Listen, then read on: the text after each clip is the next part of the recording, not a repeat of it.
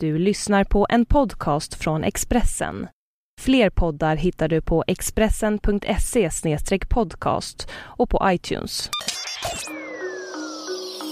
Det här är Expressen Dokument, ett fördjupningsreportage om att det var mattesnillena som förde in kemin i dataåldern av Arne Lapidus, som jag, Johan Bengtsson, läser upp. Årets Nobelpris i kemi är de teoretiska räknenissarnas triumf. Men också experimentkemisterna med sina puttrande provrör är nöjda med de tre pristagarna som har fört kemin in i dataåldern. De har gett oss beräkningsverktyg. Innan vi fick dem kunde vi bara gissa hur kemiska reaktioner går till, säger professor Sara Gnogerup Linse, medlem av Nobelkommittén.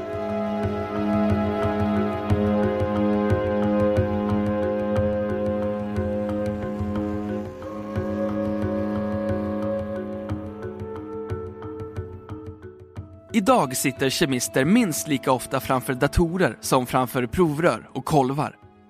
Det beror bland annat på att forskarna Martin Karplus, Michael Levitt och Ari Warsell redan för 40 år sedan la grunden till de kraftfulla dataprogram som idag används för att förstå kemiska förlopp. Nu får de dela Nobelpriset för sina banbrytande arbeten som kan användas för att studera all slags kemi och hjälpa forskare att utveckla till exempel solceller, bilars katalysatorer och läkemedel. Förr använde kemister plastkulor och pinnar när de byggde sina molekylmodeller. Idag har modellerandet flyttat in i datorer Verklighetstrogna datamodeller har blivit avgörande för de flesta framsteg som görs inom kemin, skriver Nobelkommittén. Professorerna i kommittén som delar ut priset är medvetna om att de i år belönar forskningsbragder av stark teoretisk karaktär och att prismotiveringen därför är svår att förstå för icke invigda. Men de gör sitt bästa för att det ska bli begripligt. Det är ett metodpris de har tagit fram metoder som utnyttjar datorer. Med deras metoder kan man bestämma strukturer för komplicerade molekyler som proteiner, säger Måns Ehrenberg, professor i molekylärbiologi i Uppsala. Enzymer är proteiner som sätter igång alla kemiska reaktioner i kroppen. De är beståndsdelar i allt levande. Deras metoder hjälper oss att förstå enzymer och framställa läkemedel som påverkar enzymer så de har betydelse för all grundforskning inom medicin, farmaci och bioteknik, säger han.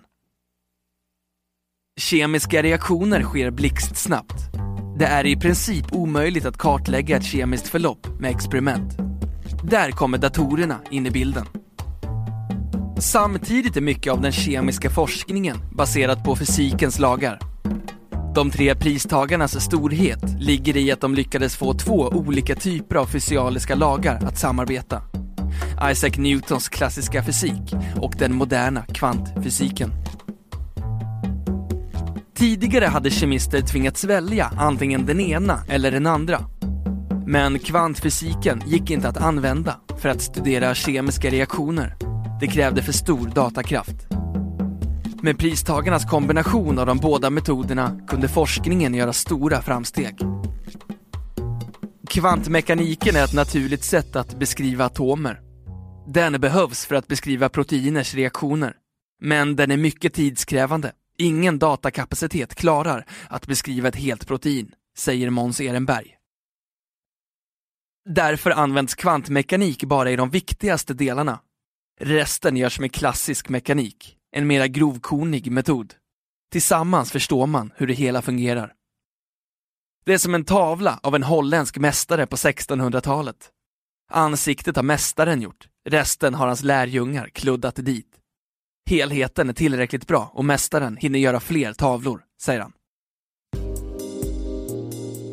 De tre pristagarna är som de flesta vetenskapliga nobelprisvinnarna verksamma vid universitet i USA och har blivit amerikanska medborgare. Men alla tre är födda i andra länder. Martin Karplus, 83, kom som judisk flykting från den nazistiska Österrike till USA strax före andra världskriget.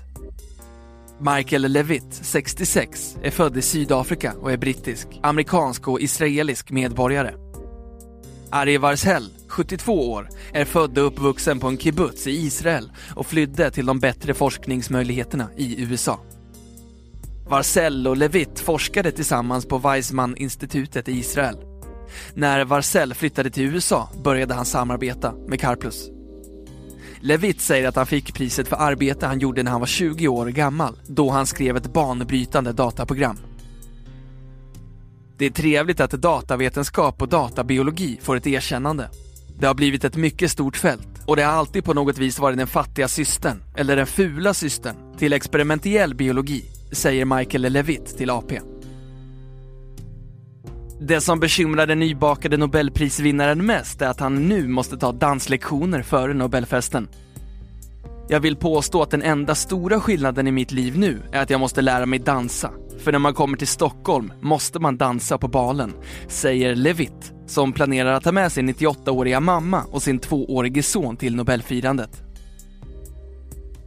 Ari Versell fanns med på telefon när Vetenskapsakademin höll presskonferens i samband med att pristagarnas namn offentliggjordes.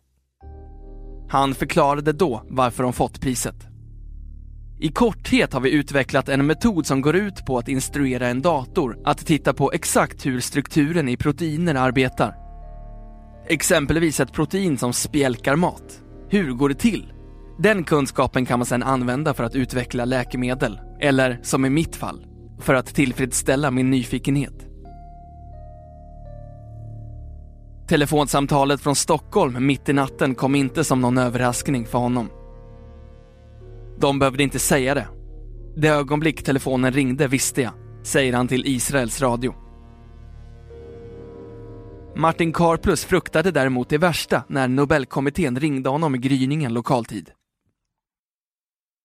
När man får ett samtal klockan fem på morgonen tror man vanligen att det är dåliga nyheter, att något har hänt.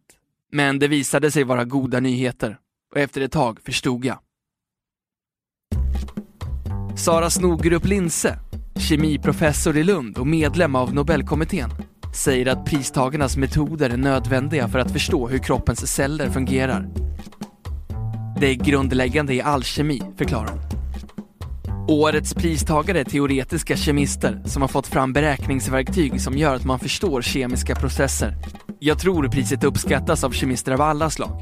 Inte bara teoretiska utan också experimentella, säger Sara Snogerup Linse.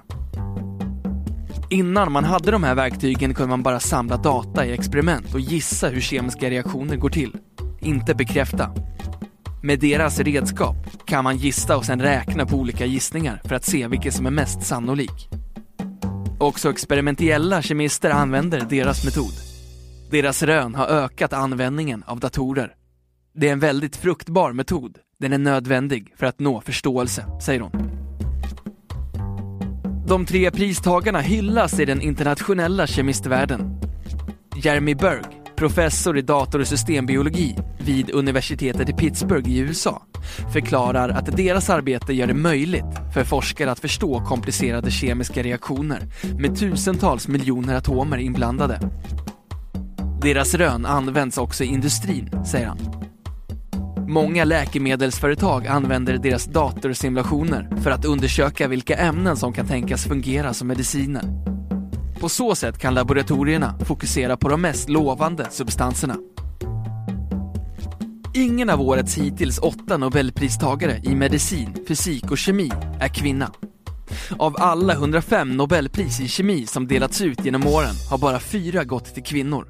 Och det är ungefär samma siffror också vad gäller de andra vetenskaperna. Därför återkommer frågan varje år. Varför så få kvinnor? Det återspeglar hur vetenskapssamhället såg ut förr. Idag är det betydligt fler kvinnor verksamma i vetenskap. Det kommer att synas i framtiden, säger kemiprofessorn Sara Snogerup Linse. I Nobelkommittén har vi bara ett enda urvalskriterium, vetenskaplig excellens. Men andelen kvinnor kommer att öka. Fler kvinnor är aktiva forskare och de kommer säkert att göra stora upptäckter, säger hon.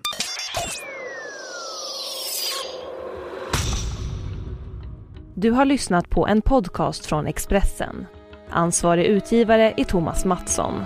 Fler poddar finns på Expressen.se och på iTunes.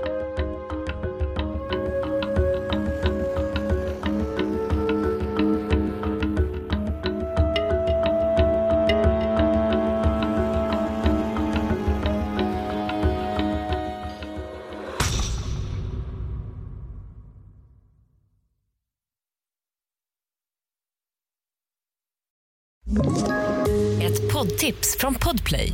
I fallen jag aldrig glömmer djupdyker Hasse Aro i arbetet bakom några av Sveriges mest uppseendeväckande brottsutredningar.